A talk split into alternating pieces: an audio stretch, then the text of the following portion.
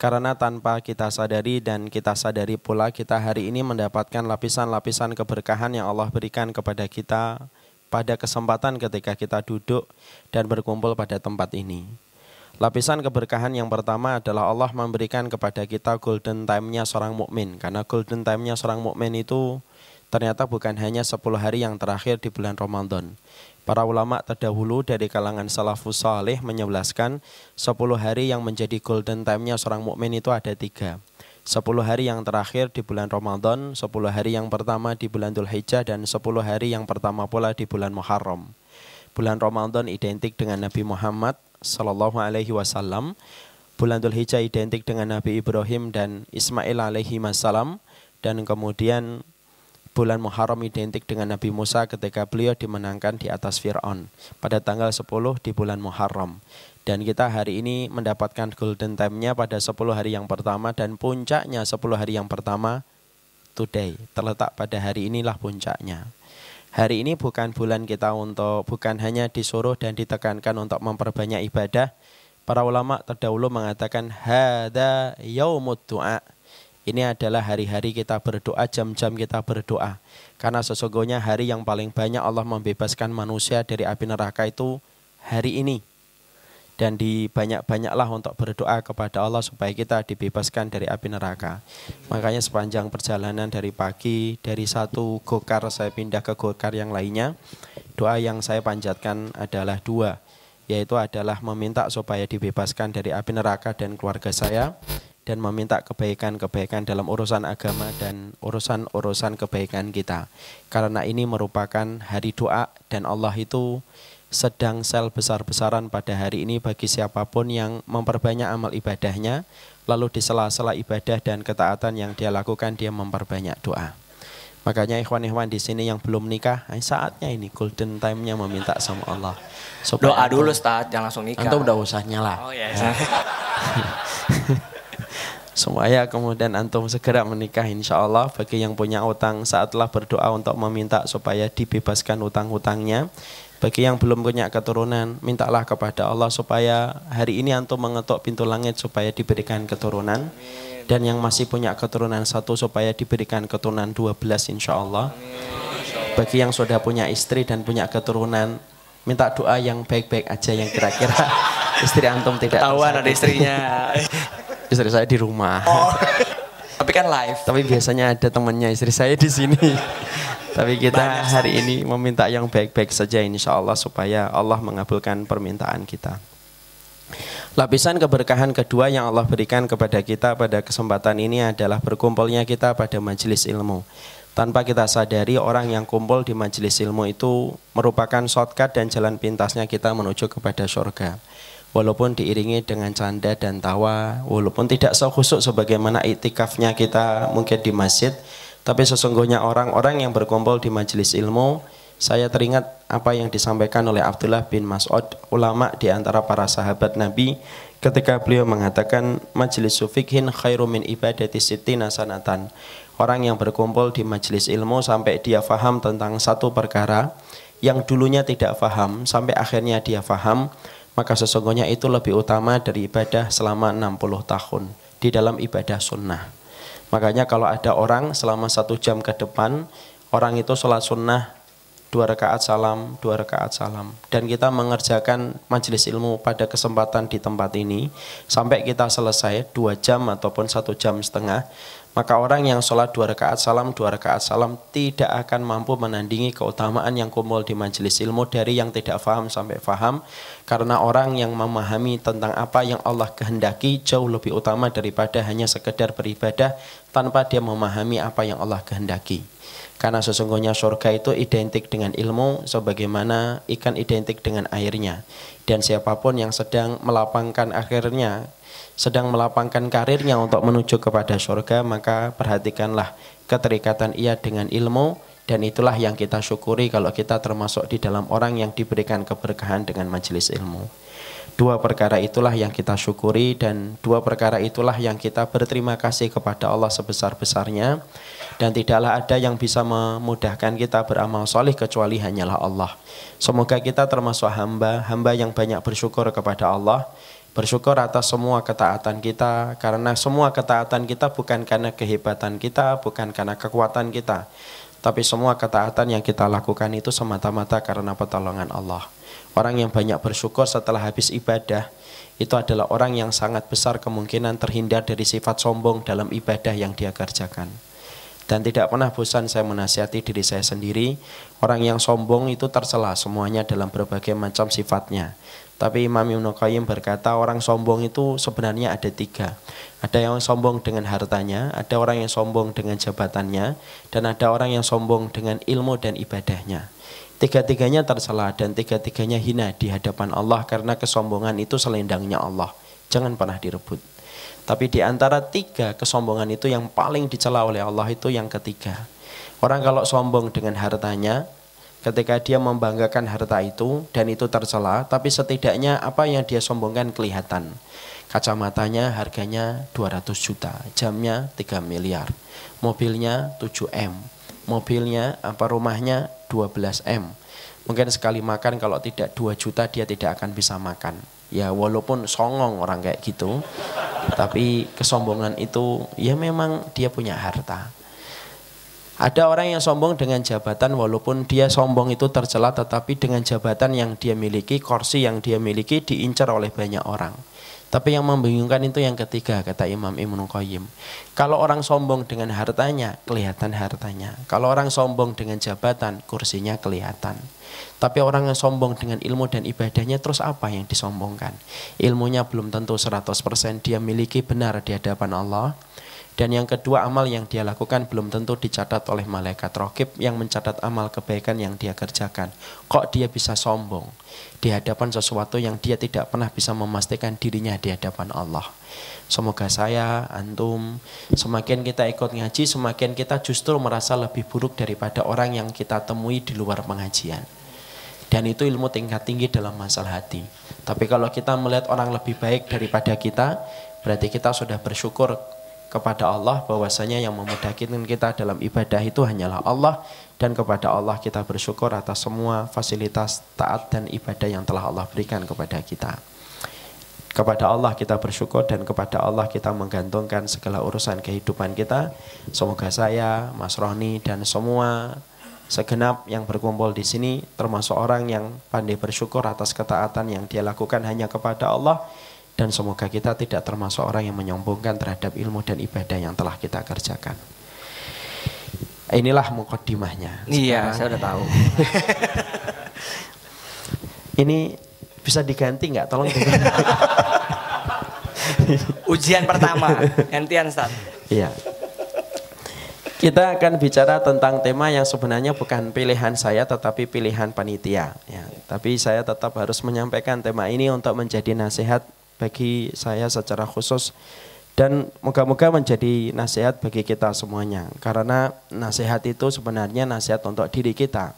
Tidak layak kita memberikan nasihat untuk orang lain dan tidak pandai untuk menasihati diri kita.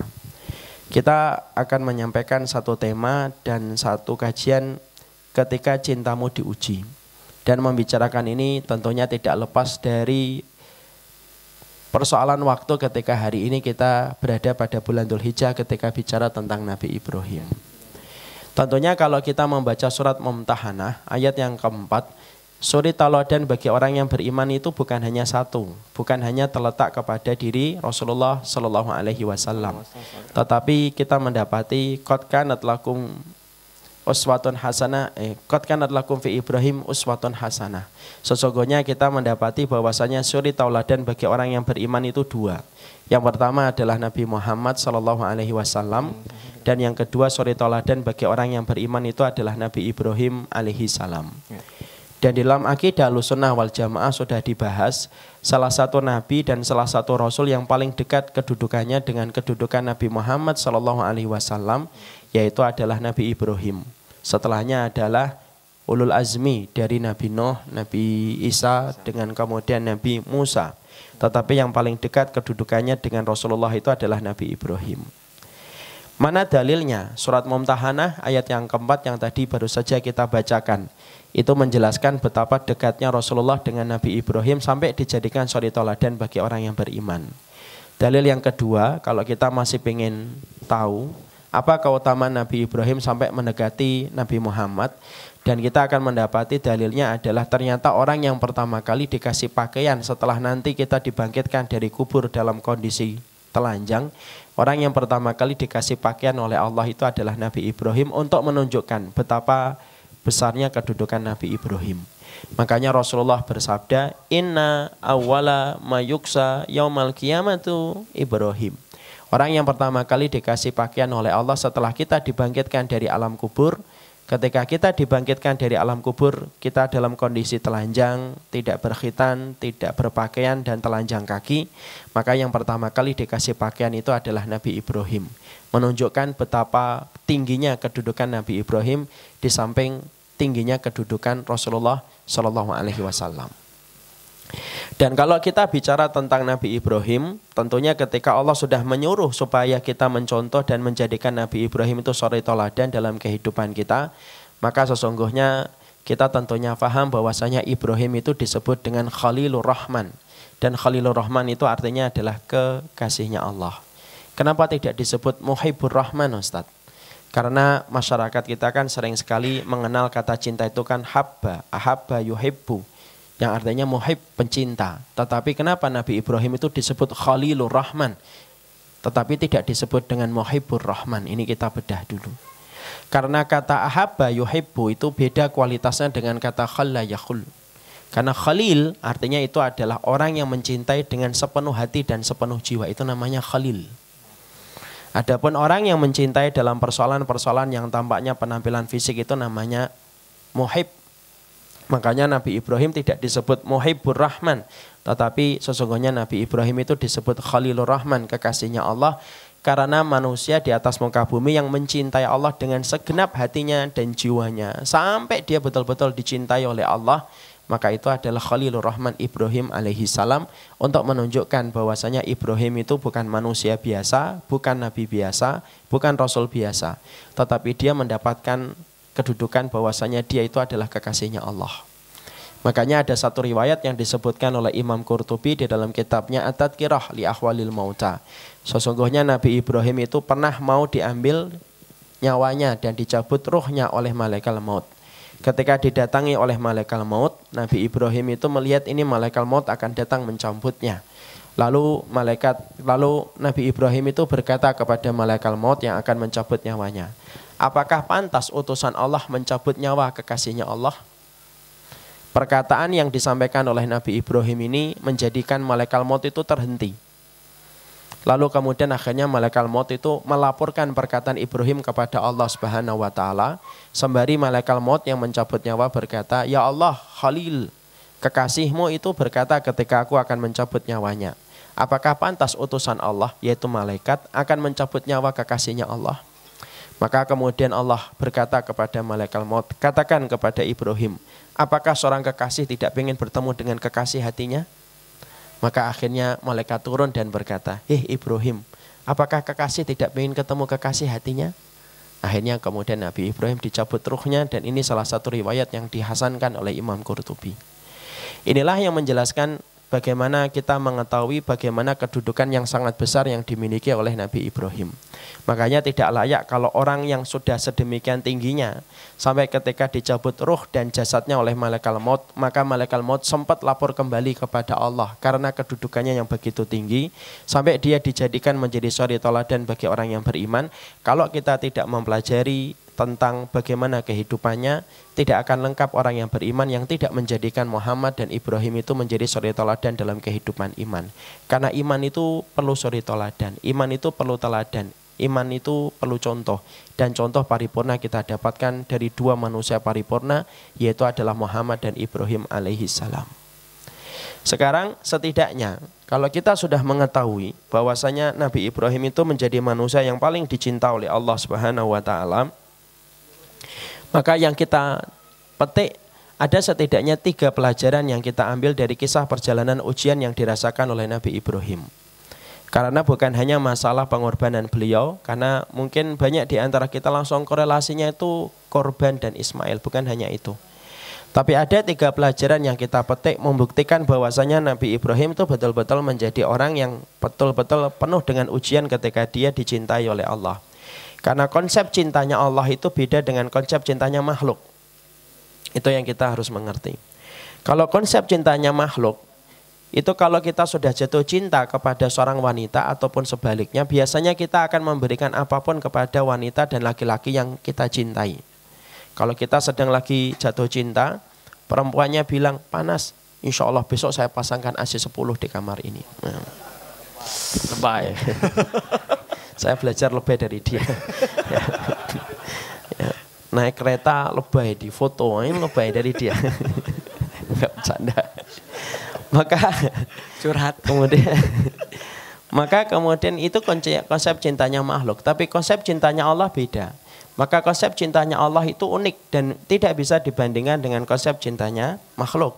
Karena konsep cintanya Allah itu dikatakan oleh Rasulullah, Inna asyaddan nasai balaan alambiya ufal ambiya. Orang yang paling keras ujian dalam hidupnya itu para nabi dan para nabi. Artinya Allah itu kalau sudah senang kepada seseorang, maka pertama kali ketika Allah sudah senang sama orang itu pertama kali pasti Allah akan mengujinya.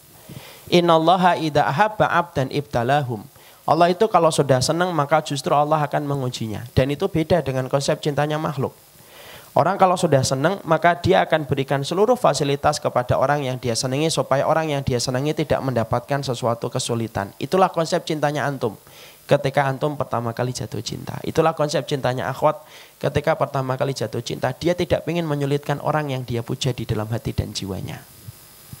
Tapi beda dengan Allah. Dan Allah tidak pernah ditanya tentang apa yang Allah lakukan. La yus'alu amma yaf'alu wa hum yus'alun. Allah tidak pernah ditanya tentang apa yang Allah lakukan. Allah itu mengkonsep cinta itu beda dengan cintanya makhluk. Ketika Allah jatuh cinta maka Allah itu akan menguji cinta itu dengan Allah memberikan kesulitan. Kalau orang yang diberikan kesulitan maka dia ridho, maka Allah akan memberikan ridho yang lebih besar. Kalau orang itu kemudian tidak ridho dan murka maka Allah lebih murka kepadanya ketika dia murka terhadap ujian yang Allah berikan. Sebelum kita bahas Nabi Ibrahim, kita bahas dulu. Kenapa sih orang kalau dicintai oleh Allah kok diuji Ustaz? Dan diberikan kesulitan setelah dia itu dicintai oleh Allah? Maka setidaknya ada beberapa jawaban. Yang pertama, kalau kita dicintai oleh Allah, kenapa kita diuji oleh Allah? Yang pertama, karena sesungguhnya Allah itu ingin kalau orang itu betul-betul dicintai olehnya. Ketika Allah itu tidak pernah bosan memberikan ujian kepadanya. Supaya orang yang dicintai oleh Allah itu tidak jatuh cinta kepada dunia. Dan betul-betul hanya cinta kepada Allah dan cinta hari akhir ketika banyak ujian yang datang menerpa hatinya dan menerpa jiwanya dan hidupnya.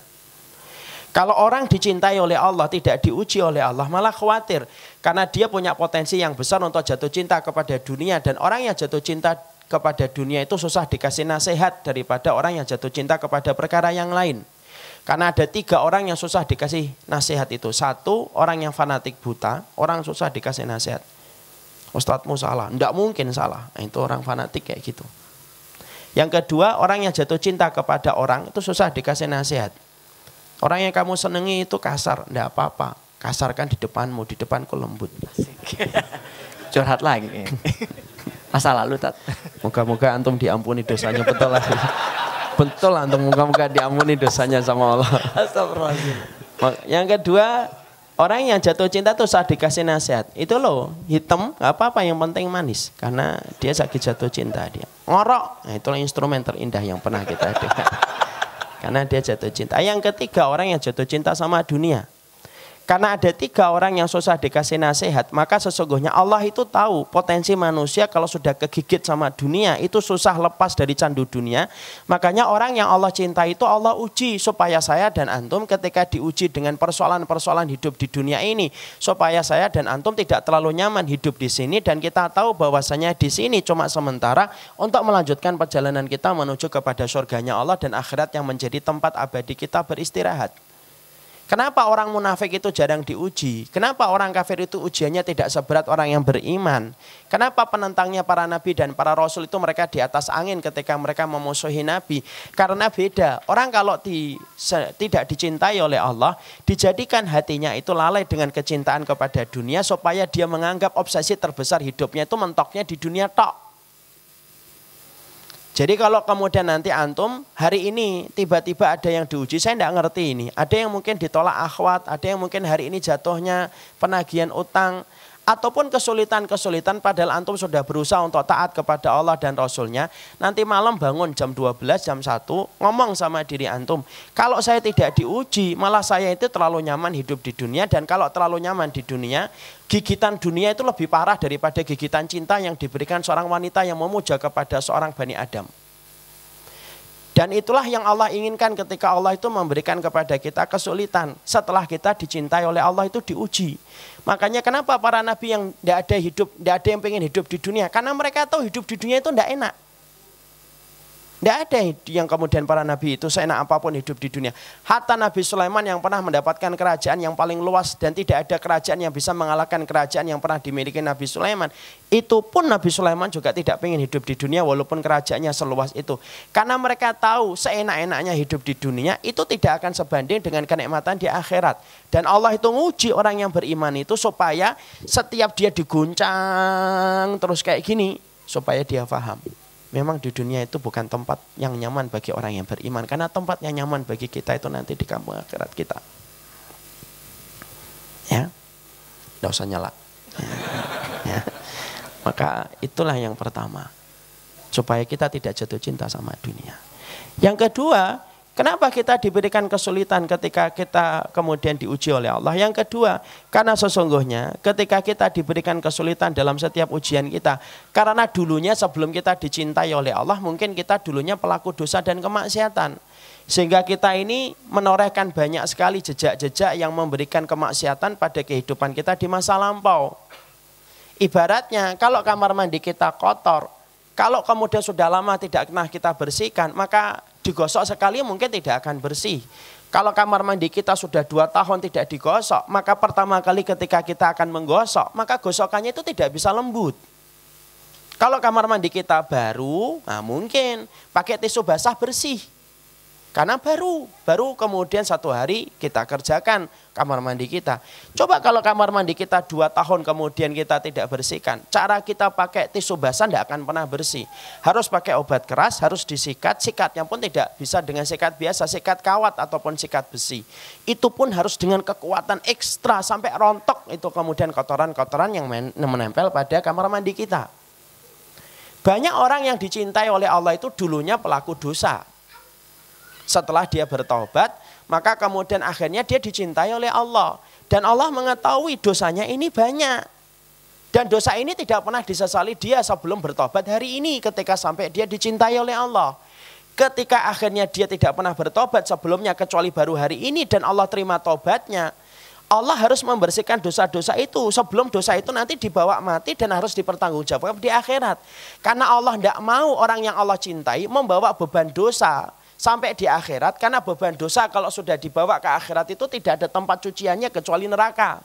Makanya Allah memberikan tempat cucian dan tempat sungainya kita untuk membersihkan dari segala kemaksiatan itu dengan ujian. Makanya ujiannya berat.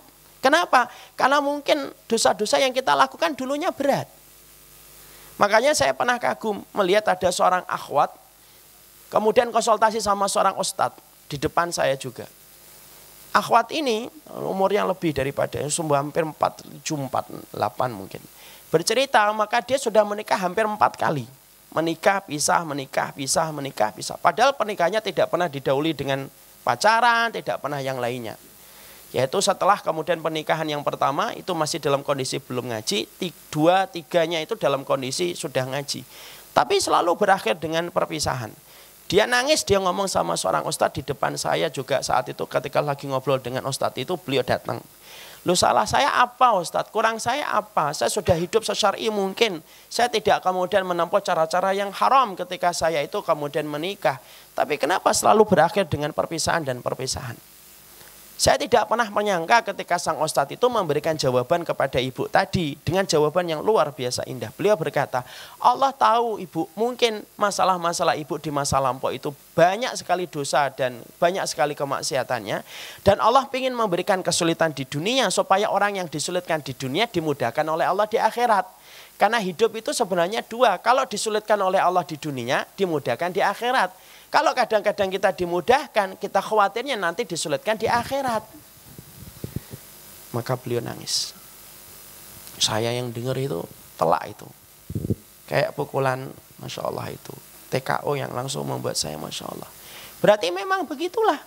Jadi kalau kita kemudian diuji oleh Allah itu, maka ketika kita beriman, setelah kita tobat, kita pernah meninggalkan khamar, meninggalkan zina dan lain sebagainya, kehidupan ribawi kita pernah tinggalkan, kehidupan apa pun pernah kita tinggalkan.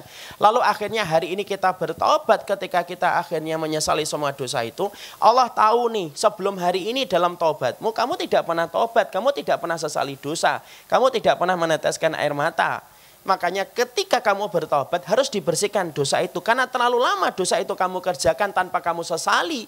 Maka kotorannya itu terlalu, harus ekstra untuk dibersihkan. Dan itulah fungsinya ujian Allah berikan kepada kita. Itu yang kedua. Yang ketiga kata para ulama, kenapa orang yang kemudian mereka itu dicintai oleh Allah itu diuji? Yang ketiga supaya kita paham, yaitu adalah karena sesungguhnya kalau kehidupan kita semuanya digampangkan oleh Allah setelah dicintai oleh Allah, maka malah kita bingung dari mana kita mendapatkan pahala kesabaran. Kenapa para nabi itu mendapatkan kedudukan yang tinggi di antara manusia? Karena sesungguhnya para nabi itu ujiannya berat. Kenapa? Karena setiap kesulitan itu diiringi dengan kesabaran. Kalau kita hidupnya gampang dan dimudahkan dalam segala macam perkara, ketika tobat akhirnya mudah. Ketika kita menyesal di dalam dosa akhirnya digampangkan. Tiba-tiba istri kita hafal 30 juz Tiba-tiba anak kita hafal 15 juz, tiba-tiba anak kita gampang, tiba-tiba harta kita ngalir dengan begitu mudahnya. Kalau orang beriman setelah dia itu hijrah, kemudian akhirnya tidak diuji oleh Allah dan digampangkan. Pertanyaan paling sederhana dalam kehidupan kita untuk diri kita sederhana. Lalu dari mana kita mendapatkan pahala kesabaran kalau semuanya itu digampangkan oleh Allah untuk kita? Makanya ada salah satu jamaah tetangga saya datang ke rumah saya dia sama istrinya, punya anak satu, dua, baik anaknya, baik-baik semuanya. Anak yang ketiga agak sedikit lama berbicara, agak sedikit terlambat. Orang ini keluarga baik, keluarga yang saya kenal keluarga baik, soleh insya Allah. Lalu kemudian ibu dan bapaknya berkata, ini kenapa ya Ustaz anak saya yang ketiga kok delay ketika berbicara. Saya cuma menyampaikan, Pak, Bu, simple. Kalau semuanya dimudahkan untuk kita, malah kita bingung dari mana kita mendapatkan pahala kesah Baran karena salah satu di antara perkara yang sangat berat ditimbang oleh Allah bahkan tidak mampu didatangkan timbangan untuk mengukurnya karena saking beratnya pahala yang dikandung itu pahala kesabaran. Makanya Allah menguji orang yang beriman. Kenapa? Karena sesungguhnya dengan kesulitan yang kita dapatkan kita akan mencicipi pelajaran yang bernama sabar. Makanya opening ceremony orang kalau masuk surga apa akhi? Antum tahu nggak? Opening ceremony itu bukan hanya ketika Asian Games dan bukan hanya ketika final champion. Opening ceremony ketika nanti masuk surga, saya akan sampaikan kepada antum. Surga itu delapan pintu. Dan pintu-pintu surga itu sekarang tuh tertutup. Mana dalilnya kalau tertutup Ustaz? Layak tiana alaiha yaumun wahya kadidun minaziyam. Akan datang satu hari pintu-pintu itu akan rami. Dan sekarang itu sepi kata Rasulullah. Kenapa rame? Karena orang nanti orang berjejal-jejal untuk memasuki surga. Semoga kita termasuk salah satu yang meramaikan. Amin insya Allah. Hari Arafah. Berdoa amin insya Allah. Siapa yang pertama kali mengetok pintu surga ketika masih tertutup? Yang mengetok pertama kali Rasulullah. Dan ketika mengetok, tok, tok, tok. Maka penjaga surga itu khazin namanya. Khazin itu sebutan, sebutannya khazin. Maka khazinnya berkata, mana anta? Siapa kamu? Ana Muhammad bin Abdullah, khatamun nabiyyin wal mursalin. Saya adalah Muhammad bin Abdullah, penutup para nabi dan para rasul. Lalu kemudian khazinnya berkata, Ya Rasulullah, sesungguhnya saya tidak pernah diperintahkan membuka pintu surga ini sampai engkaulah yang mengetok pertama kali. Terbuka surga. Shhh, delapan pintu surga tertutup. Pintu sholat terbuka, pintu puasa royan terbuka, pintu jihad terbuka, semuanya delapan terbuka. Jarak satu pintu dengan pintu sejarak 40 tahun perjalanan. Dan Rasulullah yang pertama kali masuk surga.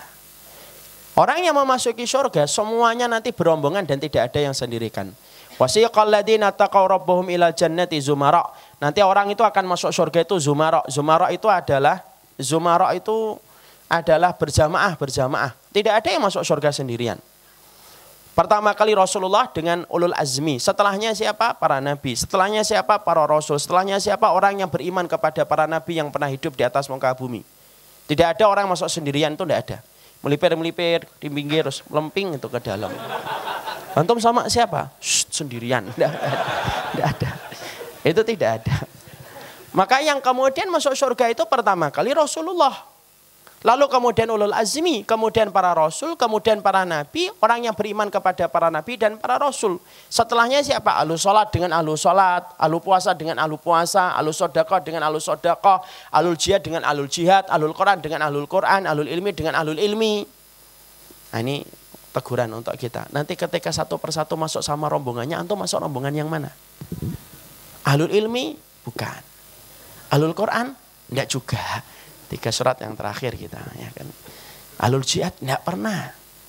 Makanya pastikan di amalan mana kita nanti akan kemudian istimewa untuk dimasukkan ke surga. Makanya Allah itu memudahkan amal kita sesuai dengan apa yang Allah mudahkan untuk kita.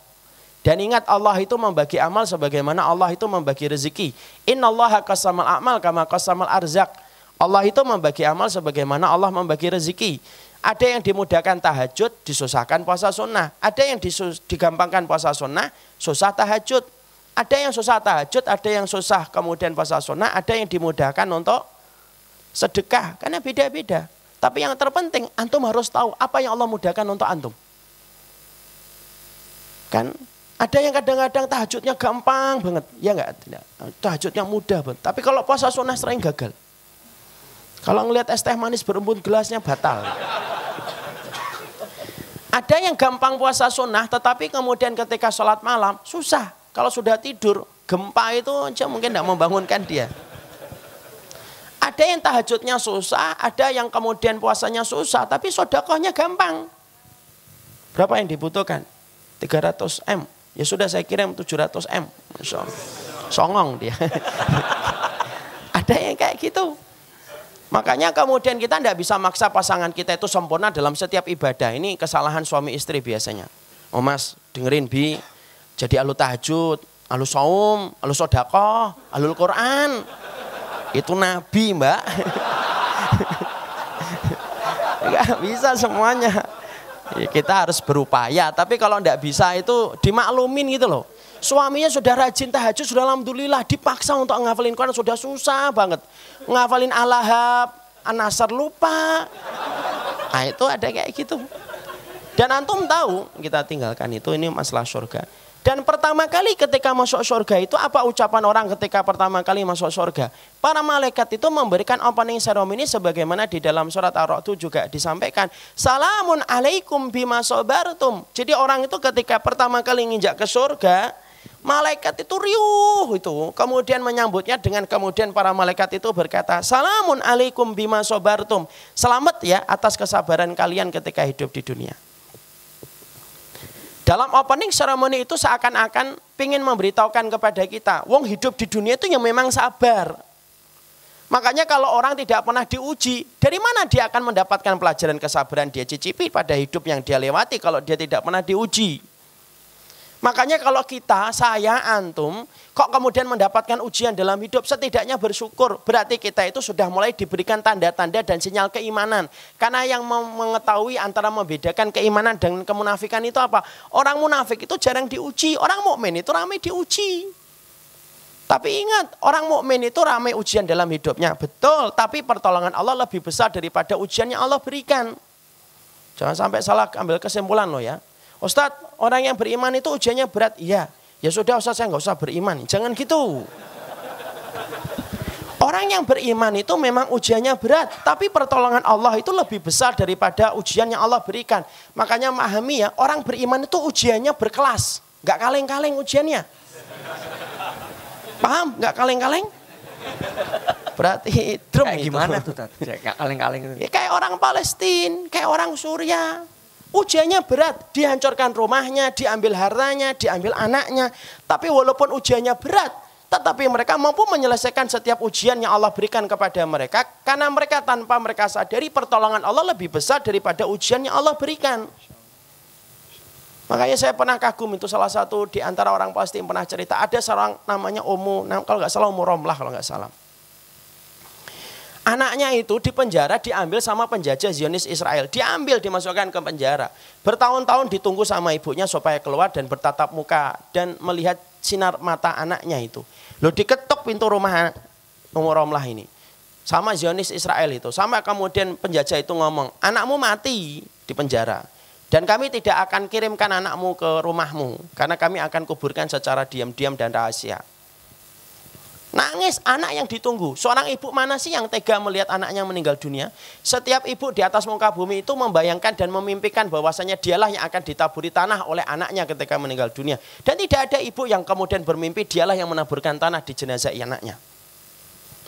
Umrohlah nangis, wajar nangis gitu. Setelah itu, maka kemudian dia akhirnya bangkit dari tangisannya, masuk ke dalam rumahnya, diambil itu kemudian sebuah kaleng yang tempat dia menyimpan uang-uangnya itu, Lalu kemudian dia keluarkan uang tersebut, kemudian dia pergi ke pasar, orang sudah ribut di kampungnya bahwasanya ilmu itu habis meninggal anaknya. Dia beli gandum yang paling mahal, dia pulang, lalu dia masak itu roti khasnya Palestina dari gandum yang mahal yang bisa dia beli, dibagi-bagikan kepada kemudian orang di sekitarnya. Sampai para tetangganya bingung, Omo, kamu habis mendapatkan satu ujian, satu berita duka, anakmu meninggal dunia. Kenapa kamu membagikan roti dan kamu habiskan tabunganmu? Perhatikan jawabannya. Antum nggak berkata ketika mendengar jawabannya saya itu masya Allah. Omo itu berkata kepada para tetangganya, kenapa saya bersedih? Anak saya meninggal di tangan kaum yang dibenci oleh Allah. Berarti anak saya meninggal di atas jalan yang benar. Karena yang membunuhnya kaum yang dimurkai oleh Allah di atas muka bumi. Berat atau tidak berat? Berat. Tapi kenapa kok masih bisa tersenyum? Karena orang yang beriman ketika diuji, Allah itu memberikan pertolongan dan pertolongan Allah itu lebih besar daripada ujian yang Allah berikan kepadanya. Makanya maaf ya, orang beriman itu ujiannya berkelas. Ujiannya bukan masalah putus cinta, itu mah nggak berkelas. Nggak berkelas itu. Makanya ujian Palestina itu kenapa kok beda dengan ujian kita? Kalau kita kan ujiannya mati listrik, ya kan gitu. contoh, contoh. Kita ini paling-paling semacam itu. Kenapa kok tidak seberat ini? Dan nasallallahu selama kita minta yang terbaik. Tapi karena mungkin memang imannya kita dengan orang-orang yang ada di Syam itu beda. Coba kalau kita tidak beriman. Kalau kita tidak beriman, memang nggak pernah diuji. Tapi kalaupun diuji ringan, betul ujiannya ringan, ujiannya recehan. Tapi ketika ujian recehan itu pun tidak bisa menyelesaikan ujian recehan yang Allah berikan. Kenapa? Karena tidak ada pertolongan tidak ada pertolongan Allah kepada mereka kalau mereka itu tidak beriman. Lihat orang-orang yang tidak beriman itu, ujiannya apa? Ringan-ringan. Paling-paling masalah putus cinta, utang, kemudian masalah apa? Kulit yang kurang putih, hidung yang kurang mancung, bulu mata yang kurang lentik. Makanya negara yang paling banyak mati bunuh diri itu di Palestina? Enggak. Di Suriah kagak. Ini Betawa asli Jawa kayak gini. Ini orang Betawi nanti datang. Orang yang mati bunuh diri yang paling banyak itu justru di mana? Yang mati bunuh diri yang paling banyak itu justru di Jepang, di Jerman, Korea. Kenapa kok semacam itu? Karena mereka ujiannya recehan, putus cinta, kemudian operasi plastik yang paling tinggi, sampai kita bingung ini asli ya ember gitu kan. Kita kadang-kadang kan bingung gitu. Kenapa? Karena mereka tidak beriman kepada Allah. Makanya orang yang beriman kepada Allah itu, maka sesungguhnya ujiannya berat. Kenapa? Supaya kita mencicipi pelajaran kesabaran dalam kehidupan kita. Kalau anak, antum, kemudian mengaku beriman tidak pernah diuji oleh Allah, Nah terus kapan kita mencicipi sebuah materi yang bernama kesabaran? Padahal kesabaran itu materi inti disebutkan oleh Allah di dalam Quran itu 90 kali. Kenapa Allah menyebutkan kata sabar di dalam Al-Quran itu 90 kali lebih banyak daripada kata syukur yang Allah sebutkan di dalam Quran. Supaya kita faham hidup di dunia itu adalah identik dengan ujian. Supaya kemudian kita tidak nyalakan ketika ujian itu datang menyapa pada kehidupan kita. Nah itulah yang saya ingin sampaikan. Kenapa kita kalau dicintai itu kok diuji. Jadi kalau diuji itu jangan marah. Dan itulah yang kita harus pahami. Nah, sekarang kita kembali kepada Nabi Ibrahim. Kembali ke Nabi Ibrahim, maka ada tiga pelajaran yang kita dapatkan dari Nabi Ibrahim. Apa pelajaran yang kita peroleh dari Nabi Ibrahim? Yang pertama yang kita dapatkan dari pelajaran Nabi Ibrahim itu adalah bagaimana Nabi Ibrahim itu seorang nabi yang melewati tiga tempat setidaknya. Ada tiga tempat pokok yang dilewati Nabi Ibrahim. Yang pertama Babilonia, yang kedua Palestina, yang ketiga adalah Bekah yang kita kenal dengan kata Mekah. Dan pertama kali yang kemudian dihuni dan ditempati oleh Nabi Ibrahim itu sebenarnya adalah di Babilonia, daerah Irak. Itulah yang pertama kali kita menjumpai sirah pertama kali Nabi Ibrahim ketika bersama dengan bapaknya Azar dan bersama dengan penentangnya yang bernama Namrud itu di Babilonia. Karena setelah beliau itu mendapatkan penentangan dakwah di Babilonia, akhirnya beliau pindah ke Palestina dan kemudian ada perintah untuk membawa Ismail dan membawa Hajar ke Bakah. Dan pelajaran pertama itu dimulai adalah dari kita mendapatkan bagaimana Nabi Ibrahim itu mendapatkan tantangan dakwah yang luar biasa. Karena sesungguhnya kita paham saat itu Nabi Ibrahim berhadapan dengan Namrud. Dan ketika berhadapan dengan Namrud, tahukah kita, saya membaca tulisan Imam Ibn Qasir, ternyata Nabi Ibrahim ketika beliau berdakwah di, di Babilonia, tidak ada satupun manusia yang beriman kepada apa yang didakwahkan Nabi Ibrahim. Makanya sampai akhirnya beliau mendapatkan pertentangan yang luar biasa dari Namrud, sampai akhirnya kemudian Namrud mendapati Nabi Ibrahim itu menghancurkan patung, menyisakan patung yang paling besar untuk menyadarkan manusia supaya manusia faham bahwasanya mereka berdoa kepada Dat yang tidak mampu menolong hatta untuk diri mereka sendiri. Dan saya harus meluruskan catatan yang kita sering pahami. Sering sekali kita memahami Nabi Ibrahim itu ketika dia mendapati Allah setelah perjalanan mencari Tuhan. Itulah yang sering kita dapati dulu di sekolah agama. Nabi Ibrahim melihat matahari maka dia menganggap ini adalah Tuhanku. Setelah melihat bulan, inilah Tuhanku. Sebenarnya catatan yang disampaikan oleh para ulama, salah satunya Imam Ibn Qasir, tidak menyampaikan riwayat yang semacam itu. Nabi Ibrahim itu dari kecilnya sudah dididik kala akan menjadi seorang nabi dan rasul dan sudah dijaga oleh Allah sebagaimana Allah menjaga Nabi Muhammad. Jadi tidak ada kisah bahwasanya Nabi Ibrahim itu sempat kebingungan siapa Tuhannya itu tidak ada. Lah itu Ustaz di dalam ayat yang Allah sebutkan dalam Quran itu posisinya sebenarnya Nabi Ibrahim sedang berdebat dengan kaumnya dan mengatakan apakah Tuhan kalian itu matahari? Lalu matahari tenggelam. Kemudian apakah Tuhan kalian ada bulan? Lalu bulan tenggelam. Nah itu yang sedang disampaikan oleh Nabi Ibrahim. Jadi catatan sejarah dan sirah yang saya yakini sekarang adalah bukan Nabi Ibrahim yang mencari Tuhan tetapi Nabi Ibrahim sudah faham tentang tauhid semenjak pertama kali dia balik ketika Allah sudah menjaganya untuk menjadi seorang nabi dan seorang rasul. Tidak mungkin ada seorang nabi dan seorang rasul itu masa kecilnya masih bingung siapa nama Tuhannya. Dan itulah pendapat Imam Ibnu Kasir yang saya pilih. Ya. Makanya setelah kemudian beliau di Babilonia, ujian pertama yang didapatkan oleh Khalilur Rahman adalah berhadapan dengan Namrud. Dan ketika saat itu, maka Masya Allah, kita menjumpai bahwasanya Nabi Ibrahim akhirnya tidak ada satupun komponen manusia yang beriman dengan apa yang didawakan Nabi Ibrahim. Makanya Nabi Ibrahim menghancurkan patung itu membuka pikiran dan memberikan pencerahan kepada manusia saat itu supaya mereka tahu patung yang mereka sembah itu tidak bisa memberikan manfaat apa pun. Dan akhirnya kejadian ketika Nabi Ibrahim itu menghancurkan patung-patung itu, itu pun perintah wahyu, itu tidak membuka pemikiran Namrud dan tidak membuka pemikiran manusia-manusia pada saat itu. Akhirnya Namrud kemudian menangkap Ibrahim. Nah, inilah ujian pertama yang didapatkan Nabi Ibrahim. Kemudian Nabi Ibrahim ditangkap, lalu kemudian disusun kayu. Dan kalau kita membaca di dalam Al-Bidayah wa Nihayah, kayu yang dipakai ketika akan membakar Nabi Ibrahim, itu adalah kayu yang disusun berdasarkan sumbangan setiap warga yang ingin membakar Nabi Ibrahim. Karena banyak warga yang berduyun-duyun ketika ingin membakar Nabi Ibrahim, maka kayu-kayu itu tersusun begitu tingginya sampai menjulang sebagaimana bangunan-bangunan tinggi.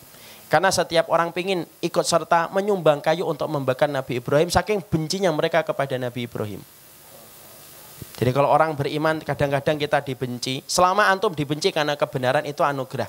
Kalau antum dibenci karena akhlak, nah itu baru musibah.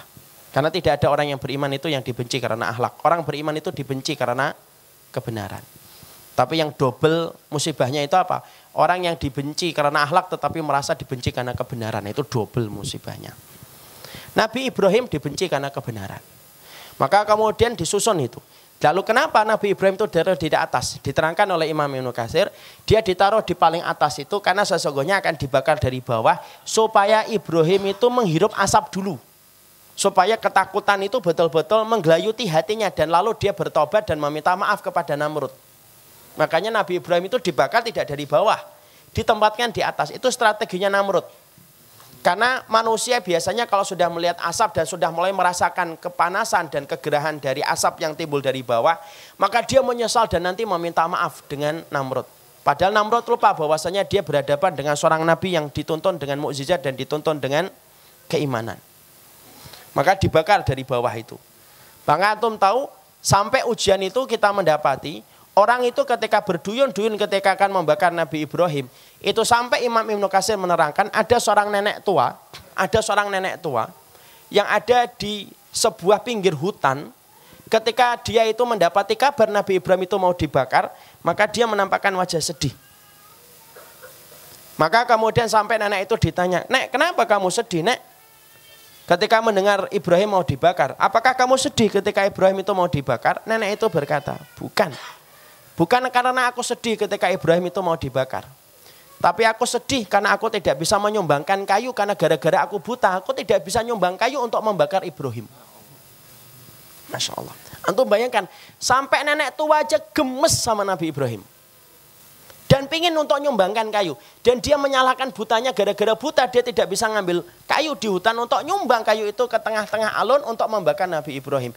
Itu menggambarkan pada saat itu semua rakyat bersatu padu untuk kemudian menghilangkan dan mematikan Ibrahim alaihissalam. Nanti bisa bayangkan, yang beriman cuma satu. Siapa? Saroh, istri Nabi Ibrahim alaihissalam. Atau baca ini lengkap di dalam kitab Al-Bidayah wa Nihayah.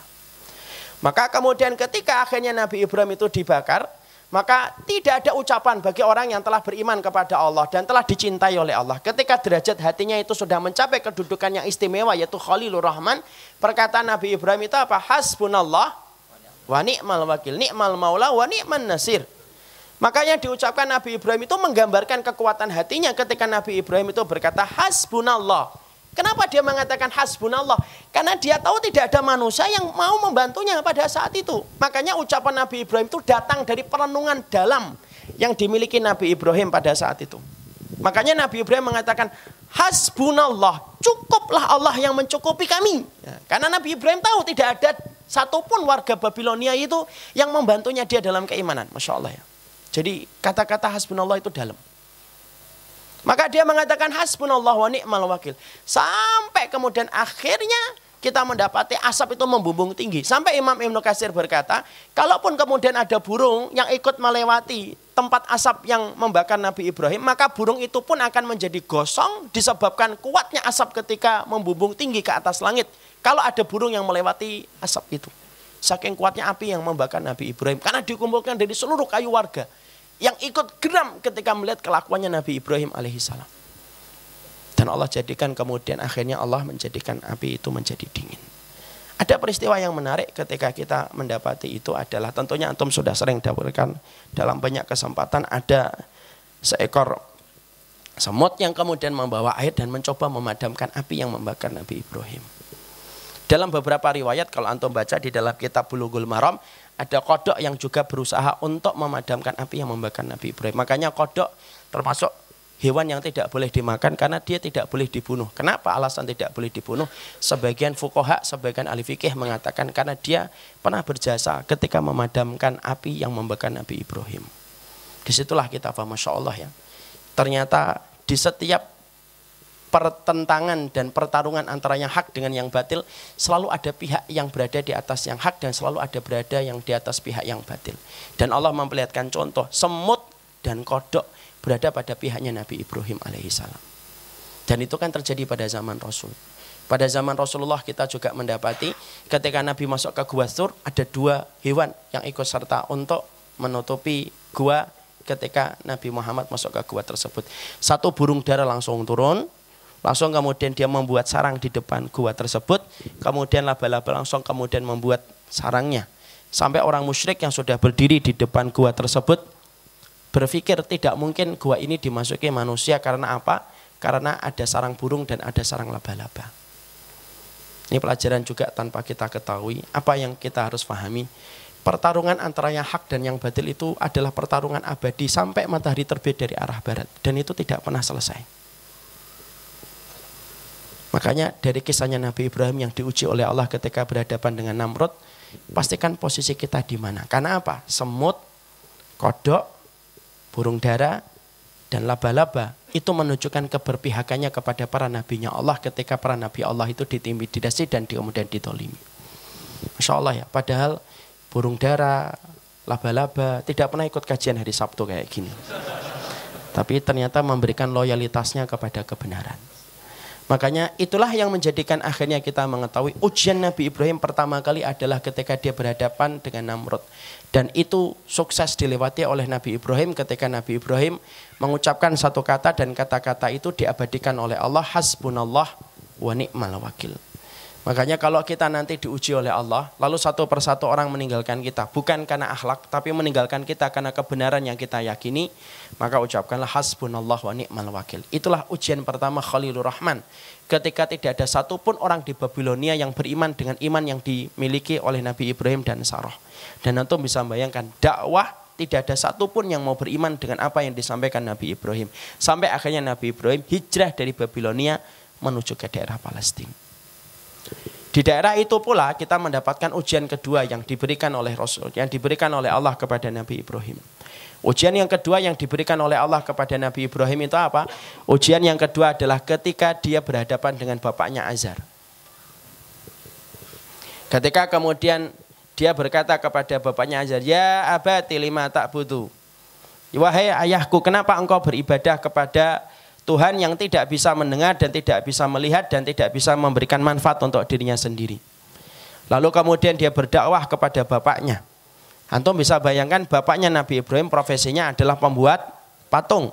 Padahal di satu sisi Nabi Muhammad, Nabi Ibrahim sedang berdakwah supaya meninggalkan patung-patung sesembahan yang datang dari selain Allah. Dan kita bisa bayangkan betapa berat dakwah yang harus disampaikan Nabi Ibrahim ketika dia menyampaikan bahwasanya patung-patung itu adalah sumber kesyirikan tetapi bapaknya produsen dari patung-patung itu. Kalau kita hidup pada zaman Nabi Ibrahim, bisa jadi kita akan mengatakan, "Lah Ibrahim, Ibrahim, engkau dakwain kami, oh, bapakmu aja buat patung setiap waktu. Ini gara-gara bapakmu juga buat patung." Dan betapa beratnya kita merasakan denyut hatinya dan dadanya Nabi Ibrahim ketika mendapati dakwah yang seberat itu harus menghadapi bapaknya. Apa pelajaran yang kita dapati di sini antum harus mengerti. Kenapa para nabi itu diberikan profil keluarga-keluarga mereka itu selalu ada ujian. Ada yang diuji bapaknya kayak Ibrahim, ada yang diuji istrinya kayak Lut. Ada yang diuji dengan anaknya, Nuh, ada yang diuji dengan suaminya, Az, uh, Asyah pintu Muzahim. Kemudian ada yang diuji dengan istrinya, kayak kemudian Ismail yang sampai berpisah dengan istri pertamanya. Ada yang diuji dengan pamannya, yaitu adalah Rasulullah. Kenapa para nabi itu tidak diberikan profil keluarga yang ideal? Suaminya baik, istrinya solihah, paman-pamannya juga beriman.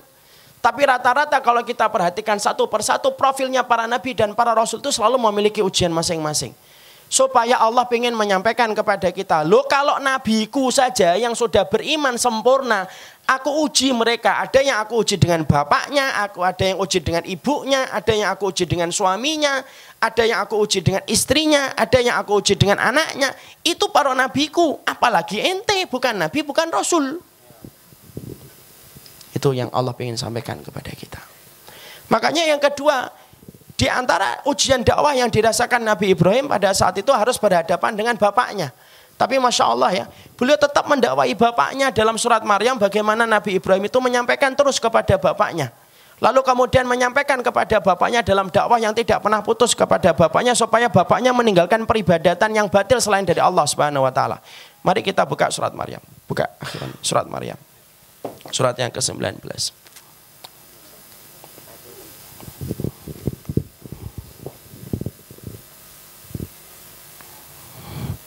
Ayat ke-42. Ya.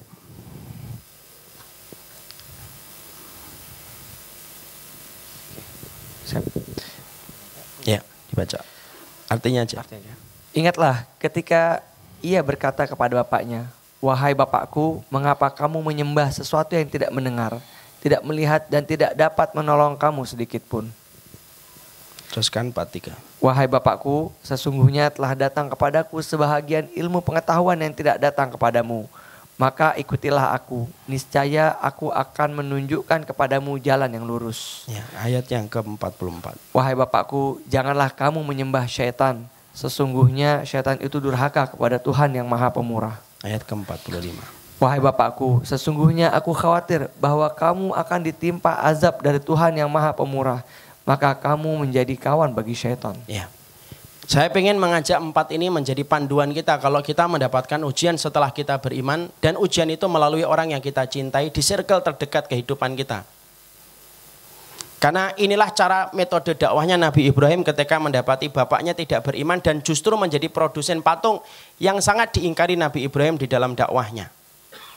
Tapi Masya Allah, Nabi Ibrahim tidak pernah berhenti untuk terus berdakwah kepada bapaknya. Saya mengingatkan untuk diri saya sendiri dan semuanya. Ikhwan, ikhwati, dakwah itu terkadang kayak menanam benih. Yang kita tidak pernah tahu kapan benih itu akan kita tuai dan akan kita panen. Ada orang yang nanam benihnya hari ini, besok dia sudah panen. Ada yang dia nanam benihnya hari ini, lusa dia kemudian baru panen. Ada orang yang nanam benihnya hari ini, tetapi tahun depan dia baru panen. Dakwah itu pun semacam itu. Berapa banyak orang yang dakwah kepada suaminya, kepada anaknya, langsung hari ini dakwahnya langsung diterima sama anaknya. Ada orang yang dakwah seumur hidupnya, anaknya tidak pernah menerima, tapi justru anaknya berubah tepat ketika dia meninggal dunia. Kita tidak pernah tahu. Makanya dakwah itu kayak menanam benih yang kita tidak pernah tahu kapan. Yang Allah perintahkan kita adalah menanam benih. Panennya Allah yang tahu kapan waktu bagi kita untuk panen. Makanya kita mendapati Nabi Ibrahim ketika mendapati ujian ketika dia Khalilur Rahman, kalau kita pikir kok layak ya Khalilur Rahman kok bapaknya tidak beriman. Mungkin pikiran kita begitu. Tapi ternyata Allah memberikan ujian kepada Nabi Ibrahim, bapaknya Khalilur Rahman malah tidak beriman. Tapi itu pun tidak menghentikan laju dakwah yang terus disampaikan Nabi Ibrahim kepada bapaknya. Dan kata-kata yang disampaikan oleh bapaknya, kata-kata yang disampaikan oleh Nabi Ibrahim kepada bapaknya, itu kata-kata yang lembut walaupun bapaknya dalam kondisi musyrik. Ini teguran bagi anak-anak, bagi seorang istri, bagi seorang suami yang hari ini merasa dia sudah mendapatkan jalan kebenaran, lalu pengen menuntun kemudian keluarga yang dia cintai dengan kata-kata yang menohok dan kata-kata yang menyakitkan bagi orang yang dia dakwai ketika menjadi objek dari perkataannya. Mari perhatikan ayat yang kemudian kita baca. Dia berkata dengan kata-kata yang indah. Ya abati lima tak butuh ma la yasma wa la yubsir wa, ya, la yugni angka syai'ah. Wahai bapakku, kenapa engkau menyembah kepada patung yang tidak bisa mendengar dan tidak bisa melihat dan tidak mendatangkan manfaat dan tidak bisa menolong dirinya sedikit pun? Lembut, sangat lembut. Masih dilanjutkan lagi, ya abadi ini koja'ani minal ilmi malam yakti kafat tabi ini ahdi kasiratan sawiyah. Dia berkata, wahai bapakku sesungguhnya telah datang kepadaku sebagian ilmu yang tidak datang kepadamu. Dia tidak menyombongkan ilmunya, tapi Nabi Ibrahim itu ketika menghadapi bapaknya dia berkata telah datang sebagian ilmu kepada diriku yang tidak datang sebagian ilmu itu tidak datang kepada dirimu dan aku akan menunjukkan kepadamu jalan yang lurus. Itu yang disampaikan oleh Nabi Ibrahim. Yang ketiga, ya abati lima tak butuh syaitan. Kenapa engkau menyembah kepada syaitan? Dan kemudian sesungguhnya syaitan itu durhaka kepada Allah yang maha pemurah. Lalu kemudian ayat yang ke-45 ditutup dengan kata-kata yang indah. Wahai bapakku, sesungguhnya aku khawatir bahwasanya kamu akan tertimpa dengan adab yang pedih. Nah, inilah yang menjadikan kita mendapatkan pelajaran yang kedua. Bahwasanya di antara perkara ujian yang ditimpakan kepada Nabi Ibrahim bukan hanya menghadapi Namrud dan menghadapi seluruh warga Babilonia yang kemudian tidak beriman kepada apa yang disampaikan oleh Nabi Ibrahim, tapi Nabi Ibrahim mendapatkan ujian pula bahwasanya beliau mendapati bapaknya pun tidak beriman. Dan cara konsep dakwahnya itu sangat indah ketika Nabi Ibrahim itu berdakwah kepada bapaknya. Menjelaskan kepada kita siapa pun hari ini yang sedang menempuh jalan keimanan lalu ternyata ada orang-orang terkasih yang dia cintai. Belum beriman belum mengimani apa yang dia imani baik-baiklah berkata kepada orang-orang tersebut karena apa? Orang yang paling layak untuk difonis itu harusnya bapaknya Ibrahim. Itu pun Nabi Ibrahim tidak menggunakan kata-kata yang menyakitkan ketika mendawai bapaknya. Apalagi bapak kita, ibu kita, anak kita, istri kita, suami kita. Tidak sebagaimana syiriknya bapaknya Ibrahim. Dan itu yang kemudian kita harus mengerti pelajaran yang kedua yang didapatkan dari Nabi Ibrahim. Yang ketiga yang terakhir dari pelajaran keimanan yang kita dapatkan dari Nabi Ibrahim. Yang ketiga adalah ketika kita akhirnya mendapati Nabi Ibrahim habis dari Babilonia, beliau pindah ke Palestina. Eh dari dia pindah ke Palestina. Setelah pindah ke Palestina, beliau kemudian akhirnya menikah dengan Hajar. Siapa yang mencarikan Hajar? Saroh. Karena saat itu mereka tidak mendapatkan keturunan-keturunan. Akhirnya Sarah melapangkan hatinya mencarikan istri untuk kemudian Ibrahim. Jatuhlah pilihan kepada Hajar. Dinikailah kemudian Hajar. Lalu kemudian turun perintah Allah untuk kemudian membawa Hajar pergi ke Mekah. Ketika pergi ke Mekah, kita tentunya paham. Pada saat itu daerah tandus, gersang yang belum ada peradaban dan belum ada kehidupan manusia di situ. Yang paling saya kagum itu di antara wanita di atas muka bumi ini adalah Hajar, selain Saroh. Saya tidak bisa bayangkan itu. Hajar yang baru punya anak dibawa dari Palestina menuju ke Makkah. Perjalanan hampir satu bulan. Pada saat itu ditempuh dengan kuda ataupun dengan onta. Setelah sampai di Mekah, kemudian hanya diberikan beberapa modal air, minum, dirijikan. Kemudian setelah itu Nabi Ibrahim naik kembali kudanya dan mengarahkan kembali ke menuju ke Palestina. Seorang istri dengan anak yang masih merah Lalu kemudian suaminya meninggalkan dia di tempat yang belum ada penduduk dan manusia di sekitarnya. Lalu Nabi Ibrahim menuju ke Palestina kembali. Masya Allah. Dan di Palestina ada istri pertamanya. Tapi yang indah itu Hajar tidak pernah menggugat. Hajar tidak pernah mengatakan kepada Ibrahim, hmm, enak banget jadi laki ya. Balik lagi ke istri pertama ini. Saya ditinggal dengan anaknya ini. Dia cuma mengatakan dengan pertanyaan yang sederhana. Itu kalau kita tidak di kitab mungkin kita susah percaya. Kamu tinggalkan saya karena perintah Allah? Iya. Kemudian Ibrahim mengarah ke Palestina. Seorang wanita ditinggal di daerah Gersang. Hanya bermodal kemah yang sederhana. Airnya tidak sampai satu hari sudah habis. Dan wanita itu mampu menguasai perasaannya untuk tidak menggugat suaminya. Enggak gugat suaminya. Padahal suaminya kembali ke mana? ke Palestina. Di Palestina ada siapa? Istri pertamanya. Lalu kemudian Hajar sabar. Lalu kemudian sampai akhirnya kesabaran itu pecah ketika akhirnya Ismail itu kemudian pecah tangisannya. Sampai akhirnya seorang wanita lari dari dari sofa menuju ke Marwah, dari Marwah menuju ke sofa sampai tujuh kali sampai kemudian Allah perintahkan kakinya Ismail untuk dihentakkan sampai keluarlah air tersebut. Dan yang paling mengagumkan, jejak-jejak iman dan ketakwaan seorang hajar ketika lari antara sofa dan marwah diabadikan oleh Allah dan dijadikan ratusan juta orang mengikutinya setiap hari dan tidak pernah putus selama matahari masih berputar di atas muka bumi. Dari seorang wanita yang tidak menggugat kepada suaminya. Anda tidak bisa membayangkan tempaan iman yang diberikan sama Ibrahim kepada Hajar itu sekuat apa. Karena kita juga jangan mengharapkan istri kita kayak gitu kalau kita tidak pernah ngajarin. Istri saya harus kayak gitu. Oh, ini nggak pernah ngajarin. Anak khawatir ini sudah banyak mata-mata yang siap menarik kesimpulan itu. Oh ini akhirnya. Kamu itu ya, belajar kayak hajar gitu loh istriku. Nanti dijawab sama istrinya. Oh ente aja nggak kayak Ibrahim. kan gitu. Maka kemudian akhirnya ditinggalkan itu. Sampai kemudian akhirnya diterangkan dalam catatan sirah. Nabi Ibrahim itu datang mengunjungi Ismail itu diterangkan dalam beberapa ayat tiga kali. Yang pertama ketika nganter. Yang kedua ketika turunnya perintah untuk menyembelih Ismail. Nah, penyembelian Ismail itu adalah datangnya yang kedua dalam satu riwayat. Saat itu ada yang mengatakan beliau berumur 9 tahun, Ismail. Ada yang mengatakan baru 13 tahun. Berarti Waktu tenggangnya begitu lama tidak didatangin, lama. Sampai akhirnya datang. Dan datangnya itu pada bulan Dhul Hijjah. Pada waktu kemudian bulan Dhul Hijjah itu, maka kita mendapati sesungguhnya mulai mimpi. Nabi Ibrahim itu mimpi. Mimpinya tanggal berapa? Mimpinya tanggal 7. Dhul Hijjah. Kemudian mimpi bahwasanya kemudian dia disuruh oleh Allah untuk menyembelih Nabi Ibrahim. Itu tanggal 7. Eh, untuk menyembelih Nabi Ismail itu tanggal 7. Tetapi mimpi tersebut kemudian masih bingung karena kemudian Nabi Ibrahim itu khawatir jangan-jangan itu setan. Makanya kemudian akhirnya pada tanggal 8 maka kemudian beliau mikir terus makanya dinamakan hari tarwiyah. Kenapa tanggal 8 itu dinamakan hari tarwiyah? Karena mikir terus itu Ibrahim itu kemarin itu mimpi beneran atau datang dari setan? Karena mimpi itu datang dari tiga perkara. Kalau kita merujuk kepada hadis riwayat Muslim dari Nabi. Mimpi itu dari tiga. Ada yang mimpi datang dari Allah, ada mimpi datang dari setan, dan ada mimpi yang datang dari apa yang antum pikirkan setiap waktu sampai masuk dalam mimpi. Jadi kalau antum kemudian mimpi cilok, itu karena antum pengen makan cilok, tidak makan-makan. Nah itu dari kebiasaan antum, bukan dari setan. Masih puasa. Iya. Maka kemudian itu. Dan Nabi Ibrahim itu tanggal 8 itu bingung dia.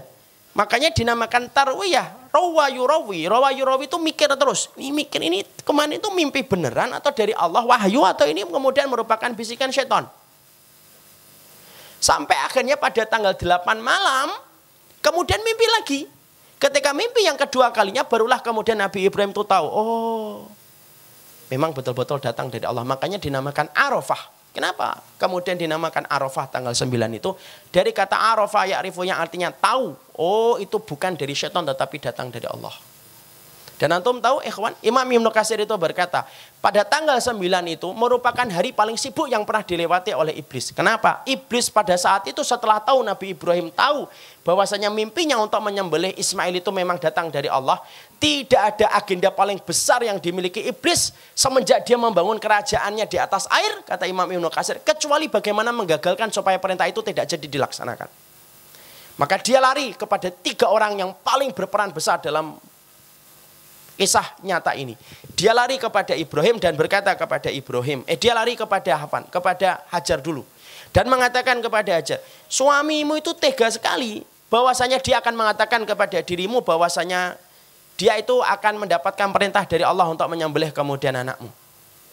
Sampai kemudian Hajar menepis itu, lalu kemudian akhirnya lalu kemudian iblis itu gagal ketika berhadapan dengan iblis.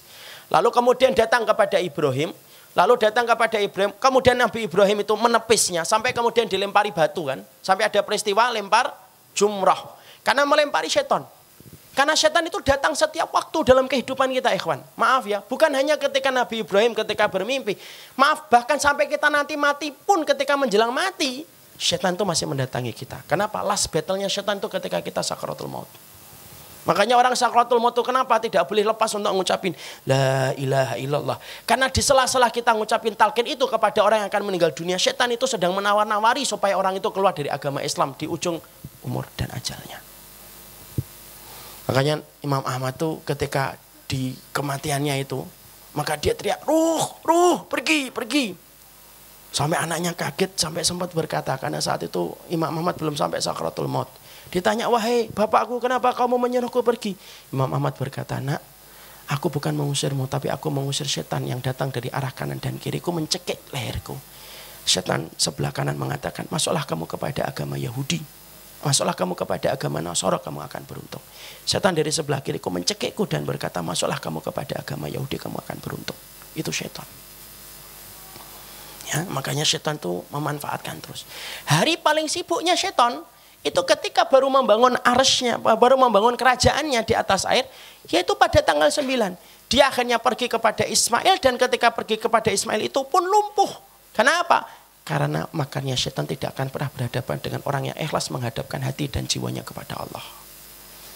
Di situlah tangisan iblis yang dikatakan dalam beberapa riwayat tangisan paling terbesar ketika dia gagal untuk mematahkan keimanan tiga manusia pilihan ketika untuk menggagalkan perintah dari Allah Subhanahu wa taala. Maka akhirnya pada tanggal 9 dia bicara kepada Ismail kemudian mengatakan ya bunaya ini arafil manami anni adbahuka fangdur madza wahai anakku sesungguhnya aku melihatmu memimpi kemudian aku harus menyembelihmu. Apa yang kamu lakukan? Ya abatif al matu masatajiduni insyaallah minas sabirin. Wahai bapakku lakukanlah apa yang Allah perintahkan kepadamu maka sesungguhnya kamu akan mendapati aku sebagai orang yang bersabar. Makanya langsung kemudian dibawa. Dan antum tahu, ada permintaan-permintaan Ismail yang jarang kita ketahui, yang tidak jarang dibahas oleh para ustadz. Ternyata Nabi Ismail itu memberikan beberapa syarat kepada bapaknya sebelum disembelih. Syaratnya apa? Satu, syaratnya bahwasanya nanti bapaknya tidak melihat matanya Ismail ketika menyembelih. Kenapa? Supaya bapaknya tidak timbul perasaan manusiawinya ketika melihat matanya Ismail supaya sampai gagal untuk supaya jangan sampai gagal untuk menyembelih Ismail. Jangan pandang mataku, Karena sesungguhnya aku khawatir kalau kamu memandang mataku, kamu akan menggagalkan perintahnya Allah. Yang kedua, irbat hizami. Yang kedua, tolong diikat tanganku, diikat itu kemudian kakiku yang kencang. Supaya aku tidak bisa bergerak. Karena aku khawatir ketika nanti pisau yang kamu ayunkan itu, ketika aku tidak diikat, aku berontak. Dan aku khawatir berontakan itu mengurangi keikhlasan aku ketika disembeli. Yang ketiga, sisingkan bajumu. Sisingkan bajumu wahai bapakku. Bapaknya nanya kenapa? Supaya tidak ada tetesan darah. Supaya ibu nanti tidak sedih ketika melihat tetesan darah itu. Sisingkan bajumu wahai bapakku sebelum engkau menyembelihku. Lalu kemudian dia minta nanti bajunya jangan dibawa pulang dibuang di satu tempat yang tidak diketahui oleh ibunya. Itu salah satu permintaan Ismail sebelum akhirnya beliau disembelih oleh Nabi Ibrahim. Falamma aslama watallahu lil jabin. Ketika mereka sudah pasrah menyerahkan itu kepada Allah, diletakkan di atas batu yang besar, di atas pelipisnya, maka diayunkanlah dan diganti oleh Allah dengan korban yang begitu besar dari domba yang Allah berikan itu. Lalu digantikan dengan domba yang besar. Di situlah akhirnya kita melihat, itulah yang dinamakan pelajaran yang ketiga. Apa itu? Patuh tanpa syarat, taat tanpa tapi. Itulah pelajaran ketiga ketika kita mendapati pelajaran Nabi Ibrahim Patuh tanpa syarat, taat tanpa tapi. Coba kalau Nabi Ibrahim hidup pada zaman hari ini. Wah, media akan membicarakan itu. Tujuh kali dalam seminggu. Dibuat narasi. Orang paling bodoh di atas muka bumi adalah Ibrahim ketika membakar anaknya. Alhamdulillah Nabi Ibrahim melaksanakan itu ketika belum ada WA dan internet. Karena kemudian akhirnya kita mendapati Nabi Ibrahim itu kalau hidup hari ini akan dibuat narasi bagaimana didiskreditkan bagaimana seorang Ibrahim itu. Dengan syariatnya ketika harus menyembelih anaknya. Dan itu memberikan pelajaran kepada kita. Syariat itu terkadang tidak masuk akal. Tetapi syariat itu memang tidak butuh untuk dilogik dan tidak butuh untuk dilogika. Syariat itu diimani. Karena sesungguhnya kalau semua syariat itu harus dilogika, Nabi Ibrahim tidak akan jadi untuk menyembelih Ismail. Kalau semua syariat itu harus dilogika, lah fungsinya iman buat apa kalau semua itu harus masuk akal? Tapi dari pelajaran Nabi Ibrahim itulah kita mengetahui fungsinya iman itu untuk menjangkau sesuatu yang tidak mampu dijangkau oleh akal. Dan Nabi Ibrahim punya iman itu. Orang yang lemah iman, maka dia tidak punya iman. Yang dia punya itu logika, rasionalitas. Ketika kemudian mentok syariat itu, maka ketika tidak masuk logik dan akar berpikirnya, dia akan tolak syariat itu. Dan kalaulah dia kemudian menjadi bagian dari kaumnya Nabi Ibrahim dan hidup bertetangga dengan Ibrahim, pasti akan menjadi orang yang paling untuk membenci Nabi Ibrahim atas perbuatannya ketika sadis membunuh anaknya. Tapi di situlah kita paham, kalau sudah bicara di depan syariat, maka yang ada dalam pelajaran kita ketika diuji oleh Allah dengan syariatnya, patuh tanpa syarat, taat tanpa tapi. Dan kalau kita sudah bicara syariat, kesampingan akal. Karena sesungguhnya iman itu menjangkau sesuatu yang tidak mampu dijangkau oleh akal.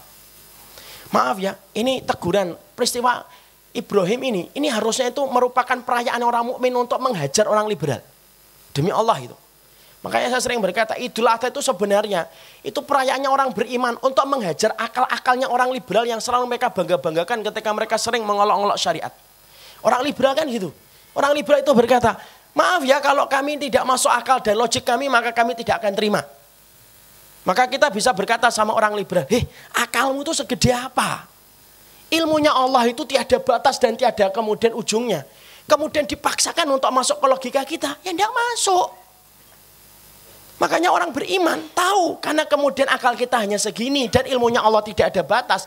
Makanya ada iman karena iman itu menjangkau sesuatu yang tidak mampu dijangkau oleh akal. Dan maaf ya, jangan pernah menyombongkan diri bahwasanya semua perintah dan syariatnya Allah itu harus masuk akal menurut kita. Ilmunya Allah itu beda dengan ilmunya kita. Kalau memang belum masuk akal, selama dalilnya sahih menurut kitabullah dan sunnah, terima. Sembari kita meminta ilmu kepada Allah supaya Allah membuka dan memberikan pencerahan. Kenapa syariat itu belum bisa kita fahami. Sampai nanti Allah fahamkan untuk kita. Karena maaf ya, nggak usah bicara dengan Allah lah. Kita kita bicara sesama manusia aja kadang-kadang nggak masuk akal kok. Kadang-kadang kita nggak paham, ya atau tidak.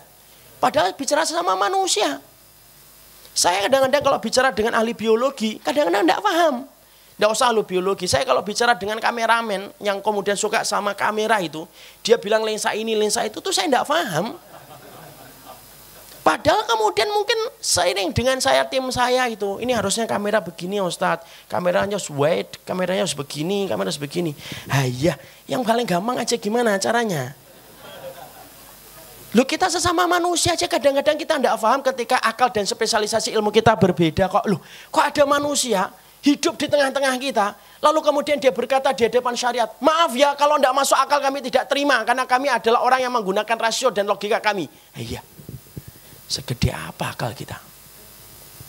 Makanya maaf saya sudah sering menyampaikan sebuah kisah ini dalam berbagai macam kesempatan untuk membuka mata kita, untuk membuka pang, apa, pemikiran kita. Saya itu pernah bicara, saya pernah ngisi di Batan, Badan Tenaga Atom Nasional. Di situ ada bapak-bapak insinyur dan lain sebagainya itu. Ada daurah-daurah personal mereka. Ketika makan siang itu, makan padang itu. Ketika makan padang itu saya kan ngobrol. Ngobrol tuh saya ngomong pak membuat nuklir itu gimana ya pak? Kok sampai bisa menghancurkan bangunan sedemikian dahsyatnya dalam seketika coba terangkan pak. Nggak usah yang panjang-panjang pak yang sederhana gitu. Karena saya tidak pernah belajar fisika dan kimia secara mendalam. Oh begini ya Ustadz. Ini reaksi ini ketemu ini berfusi ini kemudian menghasilkan tekanan ini begini begini sambil makan rendang saya itu ngomong apa pak ini Saya bilang stop pak. Lima menit itu stop pak. Tidak usah pak lanjutin. Lu kenapa Ustaz? Tidak paham saya. Itu dunianya bapak. Karena beliau S3 Jepang. Saya bukan Jepang. Saya kemudian udah pak nggak usah dilanjutin. Setelah beberapa hari kemudian, lu bapak itu nelpon saya. Nelpon saya. Kemudian nanya Ustadz, longgar waktunya. Longgar Alhamdulillah. Saya mau nanya tentang warisan ya Ustadz. Loh, Bapak nanya warisan, iya. Faroidnya Ustaz. Bapak pengen pelajari faroid, iya. Bapak pengen warisan atau faroidnya? Saya pengen belajar faroid dulu karena ada warisan yang pengen saya bagi. Bapak belajar faroid tidak bisa lewat telepon, Pak. Susah. Saya dua semester aja nilai saya berarti tahu nggak nggak baik-baik bener kok apalagi bapak lewat telepon gitu. Tidak apa-apa saya akan berusaha untuk memahami. Oke okay, khair insya Allah tapi kan lo jual gua beli. Saya terangkan itu di faroid tersebut. Begini pak definisi faroid itu begini warisan begini ada mahjub ada bagia ada asobah dan lain sebagainya. Lo di ujung telepon itu nggak ada suara. Pak masih ada pak? Masih dan tidak usah dilanjutkan lo kenapa nggak dilanjutkan saya tidak paham pak lo saya ngomong satu-satu ya pak lah beliau kaget kenapa satu-satu pak Start. karena bapak kemarin ngomong tentang masalah nuklir. Saya tidak paham. Loh sekarang saya ngomong tentang faroid yang menurut saya tidak sesusah nuklir. Bapak tidak paham juga. Loh saya akhirnya di situlah kita paham. Loh kita sesama manusia aja ngomong aja kadang-kadang tidak paham kok. Dan kita tidak pernah menyalahkan siapa pun kecuali diri kita yang kita salahkan akal kita yang tidak pinter kan gitu. Loh kok kita kemudian berhadapan dengan syariat kalau tidak masuk akal kita berkata ini syariat ini tidak cocok ini. Loh ente siapa nilai syariat cocok dan tidak cocok itu? Makanya kalau Nabi Ibrahim itu tinggal mungkin akan dikomentari sama orang liberal. Ini tidak cocok syariat ini nih. Dia tidak usah dilakukan ini. Mungkin kemudian tidak ada kisah Nabi Ibrahim dan tidak ada surat Ibrahim di dalam Quran. Kenapa? Karena Nabi Ibrahim mungkin akan termakan dengan bisikannya orang liberal. Tapi karena Nabi Ibrahim itu memiliki keimanan dan pantas dijadikan suri dan dalam keimanan di situlah kita mendapati sudah patuh sama syariat tanpa tapi itu suatu perkara yang kemudian Masya Allah itulah yang akan menjamin kebahagiaan kita kalau kita berhasil melewati ujian ini ketika beriman sama Allah.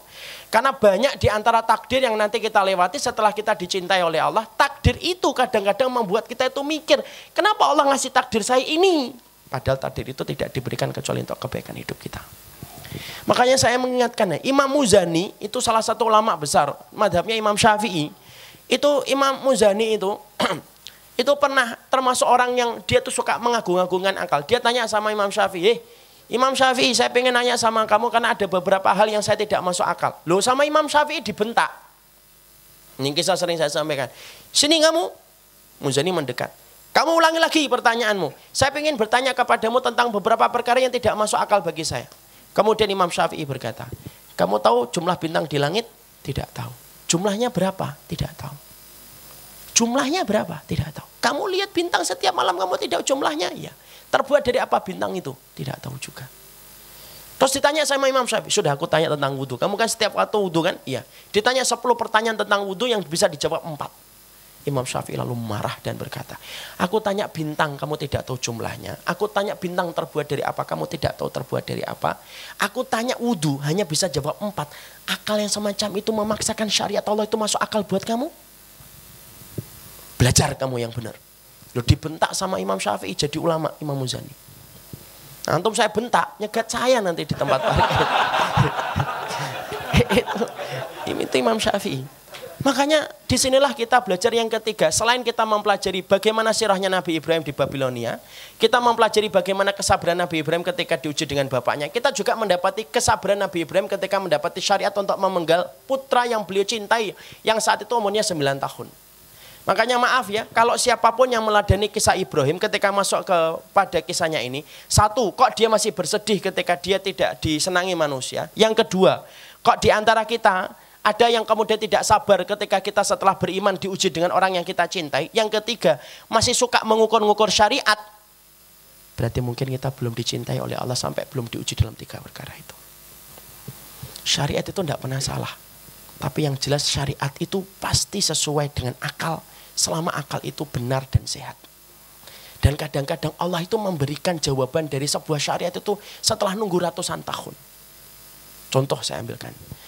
Dulu para sahabat itu ketika mereka diperintahkan baca bismillah sebelum minum, mereka itu tidak ngerti kenapa suruh membaca bismillah. Kapan ketemu hikmahnya kenapa disuruh membaca bismillah? Setelah ratusan tahun itu pun setelah ditemukan sama orang Jepang. Setelah orang Jepang itu berkata, kekuatan air. Karena air itu kalau dipuji dengan kata-kata yang baik membentuk molekul yang baik. Kalau dia dihujat dia akan membentuk molekul-molekul hitam yang menyeramkan dan mendatangkan mandarat untuk tubuh. Kapan ketemunya? 1400 tahun setelah itu pernah diucapkan Nabi kepada para sahabat. Para sahabat tidak masuk akal tapi mereka punya iman yang melebihi dari akal mereka. Dulu para sahabat itu tidak paham. Ketika Nabi mengatakan saya itu tidak menyukai banyak bicara habis isya. Para sahabat eh sudah Nabi nggak suka ngobrol habis isya mereka maklumi itu dan mereka beriman. Kapan ketemunya itu kemudian setelah itu? Ketemunya 1400 tahun baru kemudian hari ini orang-orang para pakar medis itu berkata, orang yang sering begadang itu ternyata cenderung mendapatkan penyakit lebih besar daripada orang yang disiplin ketika tidurnya dimulai dari awal isya. Kenapa? Karena orang yang begadang itu menjadikan organ tubuhnya itu terjaga terus dan tidak pernah beristirahat. Kapan ketemunya? 1400 tahun setelah para sahabat itu di dalam kuburnya. Baru dijawab hikmahnya oleh Allah setelah mereka meninggal dunia. Kita kemudian dilarang makan bersandar gini, makruh, tidak sampai haram. Dulu para sahabat tidak faham, inilah aku lumut cakian. Nabi mengatakan, saya tidak pernah makan bersandar ya.